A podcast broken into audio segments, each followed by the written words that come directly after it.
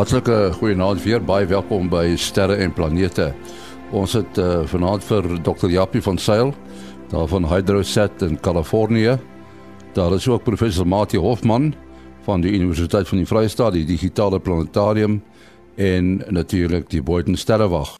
Ook vir Willie Koorts van die Suid-Afrikaanse Astronomiese Observatorium. Ons gaan net nou luister na ruimte weer deur Kobus Olkers in Florida, Amerika. Maar heel eerste nuus wat elke week vir ons geskryf word deur Herman Torin in Bloemfontein. Die aarde is sover die mens weet, die enigste bewoonde planeet in die heelal en dis die enigste wat deur mense bewoon word. Wetenskaplike navorsing dui egter daarop dat dit onwaarskynlik is dat die aarde die mees bewoonbare planeet sal wees en dat daar waarskynlik baie planete elders is waar omstandighede vir lewe beter is as op die aarde. Die lewe op hierdie planete behoort daarom ook meer divers te wees as die op die aarde.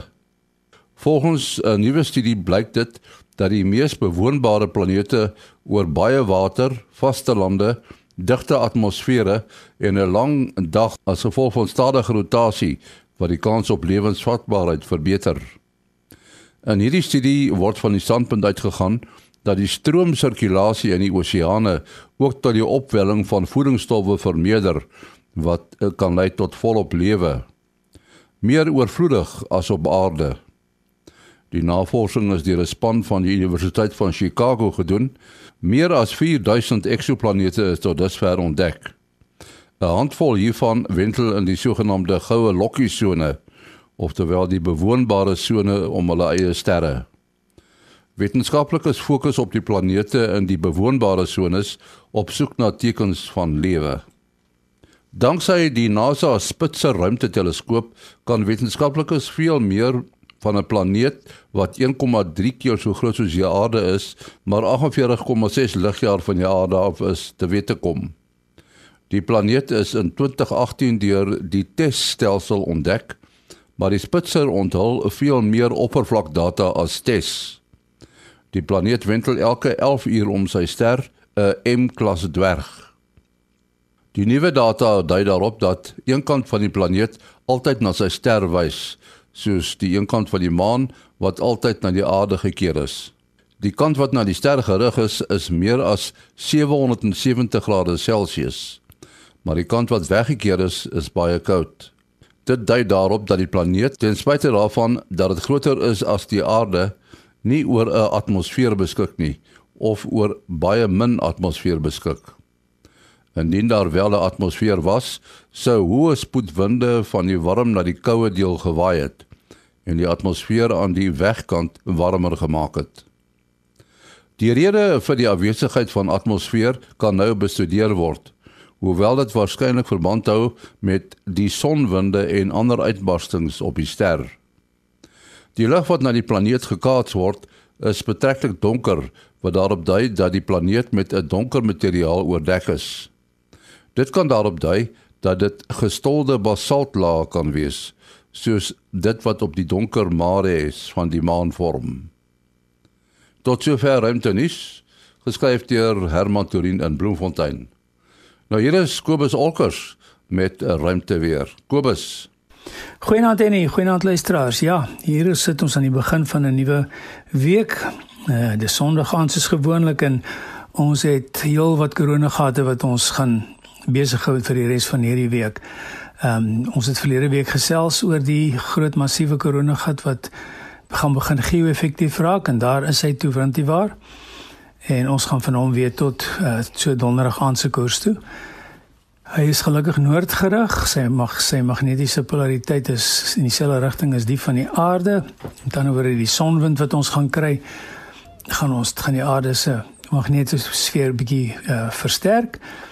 En dus gaan ons langafstand radiogebruikers gaan gaan 'n bietjie weer daarvan in die sin dat hulle frekwensies waarskynlik 'n bietjie hoër gaan wees vir die volgende paar dae. Dan het ons aan die aan die rand van hierdie korona gat soos gewoonlik ehm um, ook 'n redelike groot filament. Hierdie filament is redelik goed gevorm, hy lyk baie stabiel. Ons het ook verlede week reeds van hom gesels en soos ons verwag het is dit nog steeds daar, baie mooi om te sien, maar geen reaksie van die aarde se magneetveld vir hom nie. Dan het ons natuurlik ons uh, gewone kroon koronagate wat 'n mens kry. Dit is nou die koronagate bo by die noordpool van die son en by die suidpool van die suidpool van die son. Natuurlik het ons uh, die die ons is in 'n son minimum soos wat ons reeds gesels het uh, en dit gee vir ons hierdie groot kroon koronagate. En dan natuurlik soos ook ook gesê die um, ons magnetiese aktiwiteit is uh, aktiewe magnetiese gebiede is is nie te sien nie wat net nog vir ons sê ons is in in diep minimum. Nou ja. Uh sterkte vir almal van julle vir die week en goeienaand. Baie dankie Jacobus Olkers in Florida, Amerika. Ja, 'n vraag wat ek nogal dikwels uh, oor gewonder het is as 'n mens nou weet wat die ontsnapspoed van 'n satelliet is van die aarde af weg, dat jy nou 'n sekere spoed in die ruimte, sê nou op pad Mars toe. Uh hierdie spoed is is dit 'n definitiewe spoed? Uh, kan dit verhoog word. Ek weet daar is so iets soos uh dat mense die slingervel effek gebruik, maar die die spoed wat hy teentrek, is dit vas? Uh nee, nee, nee, dit is nie vas nie. Uh kyk soos, soos jy opgemerk het, 'n mens moet 'n sekere minimum spoed uh behaal om die, om die aarde se aantrekkingskrag te ontsnap. Die spoed is so ongeveer ja 11.2 km per sekonde as ek reg onthou. Dit is ongelooflik vinnig. Is so 3 maal so vinnig soos wat 'n koel uit 'n geweer uitkom.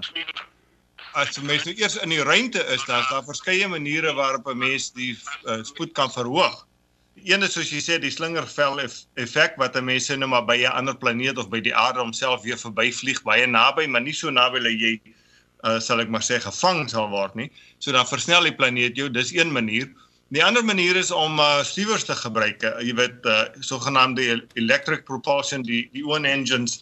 Hulle kan gedurig stuur en dan vir jou stadig maar seker vinniger en vinniger en vinniger te laat gaan met die tyd. So alhoewel dit nou nie 'n verskriklike versnelling is nie, aangesien jy dit nou vir 'n lang tyd kan aanhou, kan 'n mens op dië manier ook redelike hoë spoed behaal. Ja, nou gebruik hulle ion motors byvoorbeeld. Dis reg, ja. Kyk, uh, die die sending Dawn wat na Vesta en toe na Ceres toe gegaan het, het die stuwers gebruik die Ion engines en uh heeltemal stadig maar seker versnel. Nou uh, op met karre gemeet die mense mos gewoonlik uh 0 tot 100 km per uh per uur en dan sit so 'n paar sekondes nou met die Ion engines is dit so 0 tot 100 km per sekonde in 'n week of so. Maar as jy so aanhou vir 'n lang tyd, jy weet dan kan 'n mens 'n redelike spoetjie op opbou. Ja, net so vir interessantheid om die luisteraars se gevoel te gee van hierdie uh ontsnapsnelheid waarvan mens praat. Uh, uh Jaap het nou verwys na die ontsnapsnelheid van die aarde wat weet baie baie vinniger is uh as wat 'n koelte geweer uit wegtrek. Uh dis so uh net oor die 11 km per sekonde wat natuurlik baie vinnig is, maar by wyse van vergelyking uh die Jupiter wat nou die grootste planeet is, het 'n ontsnapsnelheid van amper 60 km per sekonde en dan die son self, dit is nou nog meer as 10 maal uh groter as die van Jupiter oor die 600 km per sekonde. Maar daarmee bedoel ek nou by die oppervlak, die spoed wat jy sou moet hê by die oppervlak dat ehm uh, as jy dan nie enige verdere aandrywing het nie, dan kan jy nou uh kan daardie tuig nou gaan ontsnap. Hy gaan natuurlik al stadiger en stadiger beweeg uh soos wat hy verder weg beweeg soos hy gerem word deur die gravitasiekrag en hy gaan die spoed van 0 bereik oneindig ver. Dit is nou maar die teoretiese berekening uh, uh wat gedoen word uh om die ontsnapsnelheid te be, uh, te bereken maar dat die die normale definisie is uh die spoed wat hy by die oppervlak van daardie uh planeet of hemelliggaam moet hê. Ja, net so om aan te sluit by hierdie uh, ontsnapsnelheid uh, een manier wat ek 'n baie oulike animasietjie wat ek gesien het, 'n uh, YouTube video um om dit nou net te verstaan. So as jy daaraan tren dink as jy nou sê maar jy het 'n berg, maar die berg steek bo kan die atmosfeer uit. So bo op hierdie bergie sit jy nou jou kanonnetjie neer jou kanonnetjie eh, is nou eh, is nou horisontaal. So jou, jou kanonnetjie skiet nou soos wat hy hier op die grond sou geskiet het, die sê my een wat hier op die kasteelsdak staan en um, en jy sit dan 'n sekere lading in en jy sit jou koel in en jy skiet. As jy nie genoeg lading het nie, dan gaan jou koel mos oor en trek en dan gaan hy nou val. En uh, nou gaan sit jy bietjie meer lading in en jy skiet weer en die koel trek nou en verder. En as jy uiteindelik genoeg kry het waar jy nou by die ontsnapsnelheid uh, kom dan um, dan trek die koel en die koel val nog steeds maar die maar die aarde val teen dieselfde radius. So dan is jy uh in 'n in 'n wentelbaan. So moet jy natuurlik nou koes want hierdie koel gaan nou hier van agter af vir jou vir jou slaan en dis natuurlik nou ook wat interessant is dit is die een van jou beste boomerangs daar as jy natuurlik nog geen ander kragte uh, as daar nou geen uh, atmosfeer of so 'n rol sal speel nie. En nou vra hulle nou maar wat gebeur as jy nou nog meer kruit insit? En en dan dan kom jy in 'n in 'n effens elliptiese baan. Ja, ek het nou baie maar gesien as jy nou uh, kyk soos die uh, pendeltuig of so wat wat opstyg. Ehm um, dit maak eintlik nou nie sin om om reguit op te 90 grade te draai te maak om 'n wentelbaan te gaan nie. So 'n mens kan gewoonlik sien die die die vierpyl trek en dan baie kort uh, uh en hy opgestyg het begin hy oor te leun en en en dan ook om te draai uh by die by die pendeltuig destyds is is daar da seker allerlei redes vir daai manoeuvres wat hulle doen. Ja, dit is die die grootste gedeel daarvan is om die die uh sal ek maar sê die die spoed van die aarde wat hy vir jou bygee uh te te mees effektief te gebruik want kyk die aarde draai mos nou so die oppervlakte van die aarde het reeds 'n sekere snelheid so as jy nou opstyg en jy probeer teen daai rigting invlieg dan is dit nou nie so 'n goeie idee nie want dan vlieg jy nou teen die die die spoed wat jy al reeds het in dis waarom ons so vinnig draai en soos ons sê ons sê hulle draai spoed af en dan uh, dan trek hulle maar met die rigting uh wat die aarde vir hulle gedraai het. Nou meeste van die tyd as aangesien ons sinne maar om die aarde moet wentel, dan moet jy 'n sekere sogenaamde inklinasie van die van jou baan hê. En dan sal jy sien dit gaan nie reg oos-wes nie, dit gaan so bietjie sinne maar oos uh oos en of of ja, oos en suid of oos en noord afhangende van waar jy balanseer so die rolbeweging wat die pendelweg altyd gedoen het waar hy op sy rug draai is is was daar ook 'n spesifieke rede voor gewees? Nee, dit weet ek nou nie so mooi nie. Ek neem aan daar is, maar ek weet nie presies waarvoor dit was nie. Ja, ek dink dit was om uh, die teels te inspekteer. Want dit dit dit het begin gebeur nadat hulle uh daardie uh, Columbia ramp gehad het. En uh, toe het hulle die ding so half omgedraai en die pendeltuig dan met sy pens gewys na die ESS toe dan is daar foto's geneem van al die teels. Uh ja, en ons het nou gepraat van die van die ontsnapsnelheid uh van voorwerpe naby die planete. Uh nou net om uh, uh, nog op 'n ander manier daarna te te gaan kyk. Uh die son het natuurlik dan nou uh ontsnapsnelheid by sy oppervlak soos wat ek genoem, het van naby 600 km per sekonde. Kom ons dink vir 'n oomblik hoe vinnig die planete om die son beweeg. Uh nou die aarde se baansnelheid is 'n goeie 30 km per sekonde. Uh dit is baie vinnig, maar nou 'n merkwaardige ding van spoed is mens voel nie spoed nie. Uh mens voel net verandering van spoed. Uh of jy sal bewus wees van spoed as jy iets het soos wind wat om jou ore suis. Maar ons voel nie ons spoed deur die ruimte nie. Uh Nou Saturnus wat nou heelwat verder is, volgens die Kepler se derde wet, uh is daar 'n baie spesifieke verband tussen die uh, die spoed van omwenteling wat mens ook in terme van die periode, die tyd vir een omwenteling sou kon uitdruk. Uh, Sat, uh Saturnus se spoed, baanspoed is 10 km per sekonde en Mercurius wat nou die naaste is, weet hoe nader jy gaan kom, hoe vinniger moet hy beweeg. Uh volgens daardie argument wat Pleno nou verduidelik het sodat hy nie in die uh aantrekkingsentrum invul nie vir Mercurius is dit so net onder 50 km per sekonde. Maar uh Mercurius se spoed is nog meer as 10 maal onder die ontsnap uh spoed van die son. Ja, ek wil by jou hoor Japie, jy het nou byvoorbeeld die sendings gehad na Mars toe. Uh, hoe besluit julle wat, teen watter spoed hierdie uh, hierdie tye na die planeet toe moet beweeg? Het julle 'n uh, 'n sekere spoed in gedagte? Want uh, aan die ander kant moet die ding nou weer breek, né? Nee? Ja, kyk ons wat ons doen tipies uh, en nie die interessante ding is ons bereken wanneer ons daar wil wees. En dan bereken jy nou afhangende van watter dag ons lanseer hoe vinnig ons moet wegtrek. Want kyk soos soos ons nou gepraat het, jy het 'n sekere snelheid nodig om die aarde se aantrekkingskrag te ontsnap. En dan terwyl jy nou nog naby die aarde is, is die aantrekkingskrag nog daar. Jy het natuurlik nou dit oorkom, maar dit is nie dat dit nul is nie. So dit vir, vir maak jou snelheid bietjie laer met die tyd. En dan moet jy natuurlik mik waar Mars sal wees op die dag wanneer jy daar wil wees. Maar nou wat ons doen is ons het ehm um, stuwers op die op die satelliete so ons kan die baan aanpas.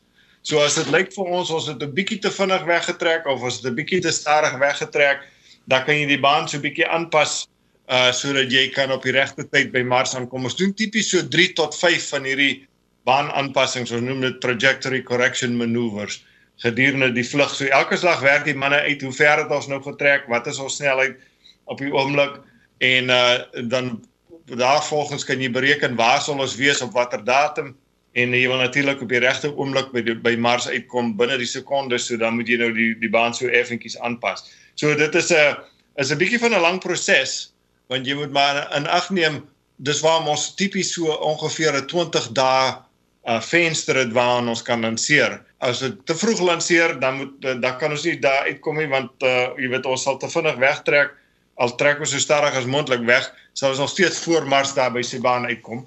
As jy te laat wegtrek dan te, te veel snelheid nodig om Mars weer in te haal. So daar is net so 20 dae venster wat ons kan lanseer aan dan jy maar weer wag tot Mars omkom vir, vir 2 jaar later.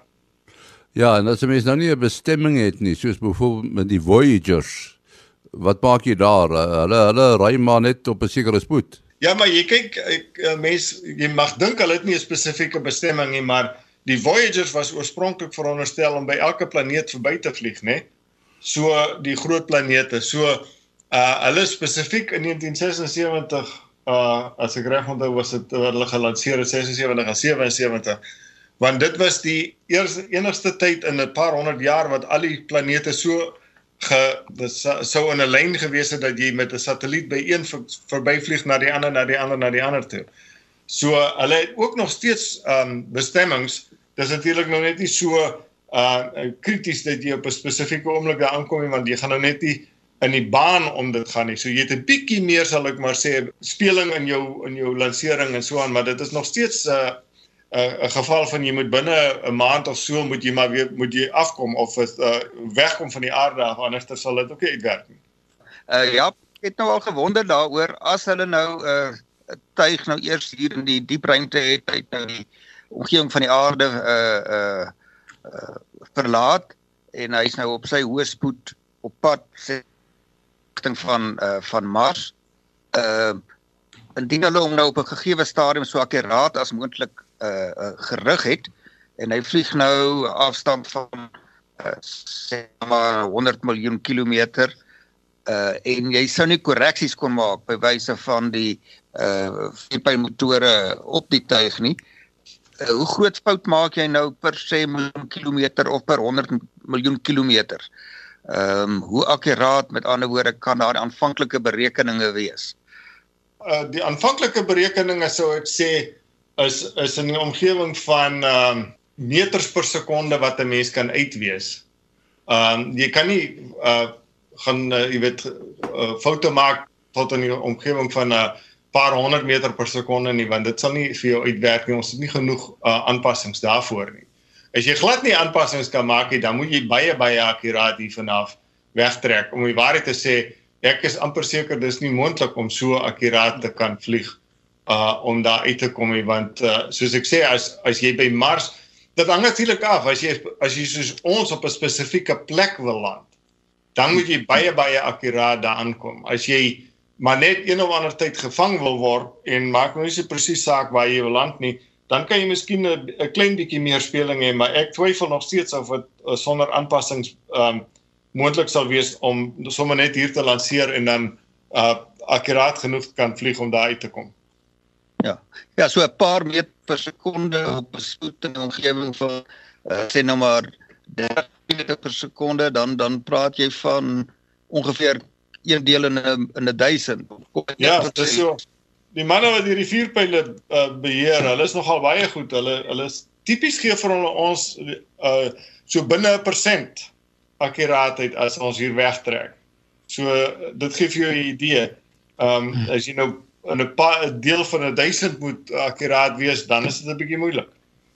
As ek as ek verkeerd is ek sê dat die Parker satelliet wat nou of die tuig wat daar uh, wat die son bestudeer, dat hy die vinnigste tot dusver is wat daar gekom het. Uh dis reg ja, hy is die vinnigste want hy het hy natuurlik die groot voordeel van die die ongelooflike aantrekkingskrag van die son. Uh voor hom die die vinnigste satelliet wat uh uh dit dit hang af van hoe jy die metings doen. Dit was of New Horizons of Juno. Hulle het albei hier in die uh, hoë 30 uh, km per sekonde gevlieg. Ja ja, dan die vraag altyd relatief tot bepaal jy die spoed. Ja, dis dis waarom ek sê dit hang af hoe jy dit nou meet. Dit is of dit relatief tot die son ja, is, ja. relatief tot die aarde of wat.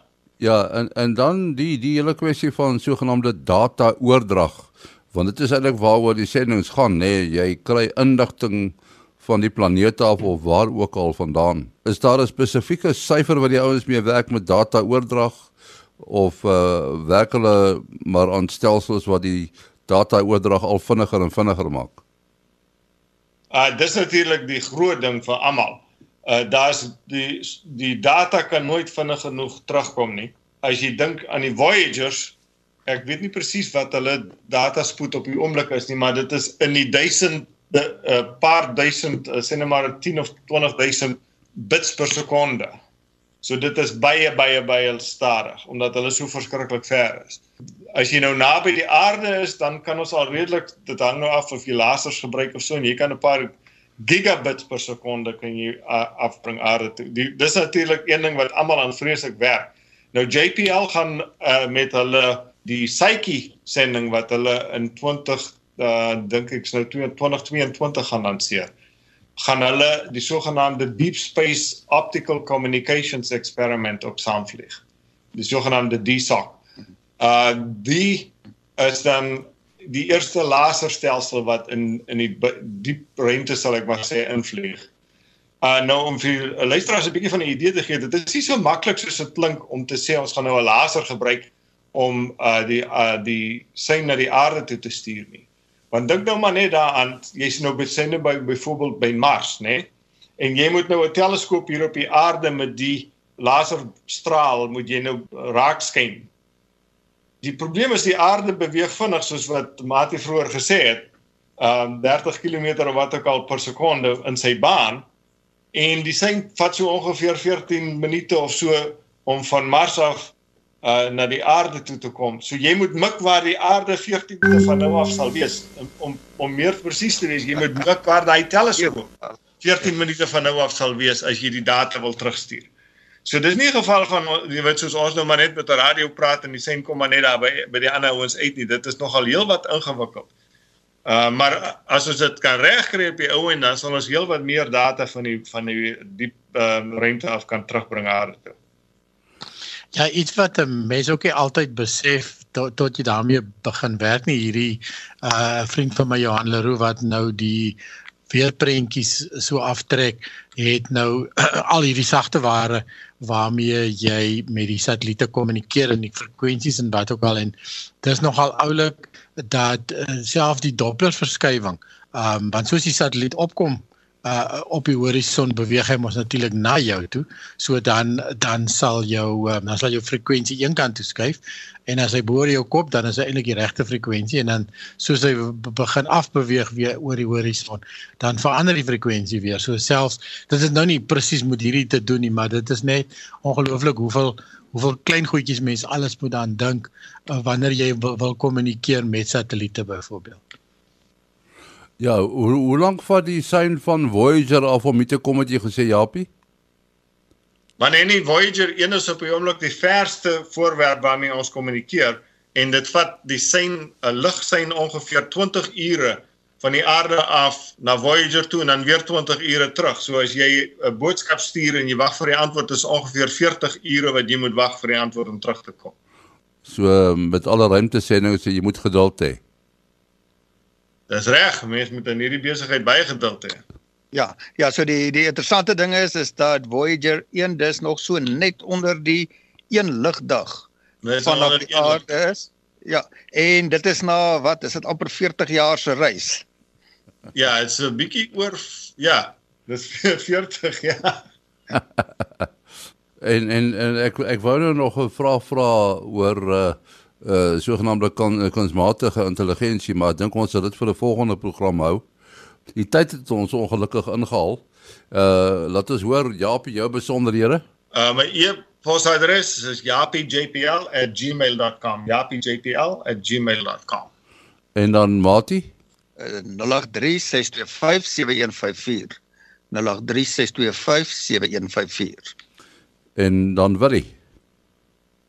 Is 0724579208. 0724579208. En dan my e-posadres maas.henny@gmail.com. maas.henny@gmail.com. Tot volgende week. Alles van die beste.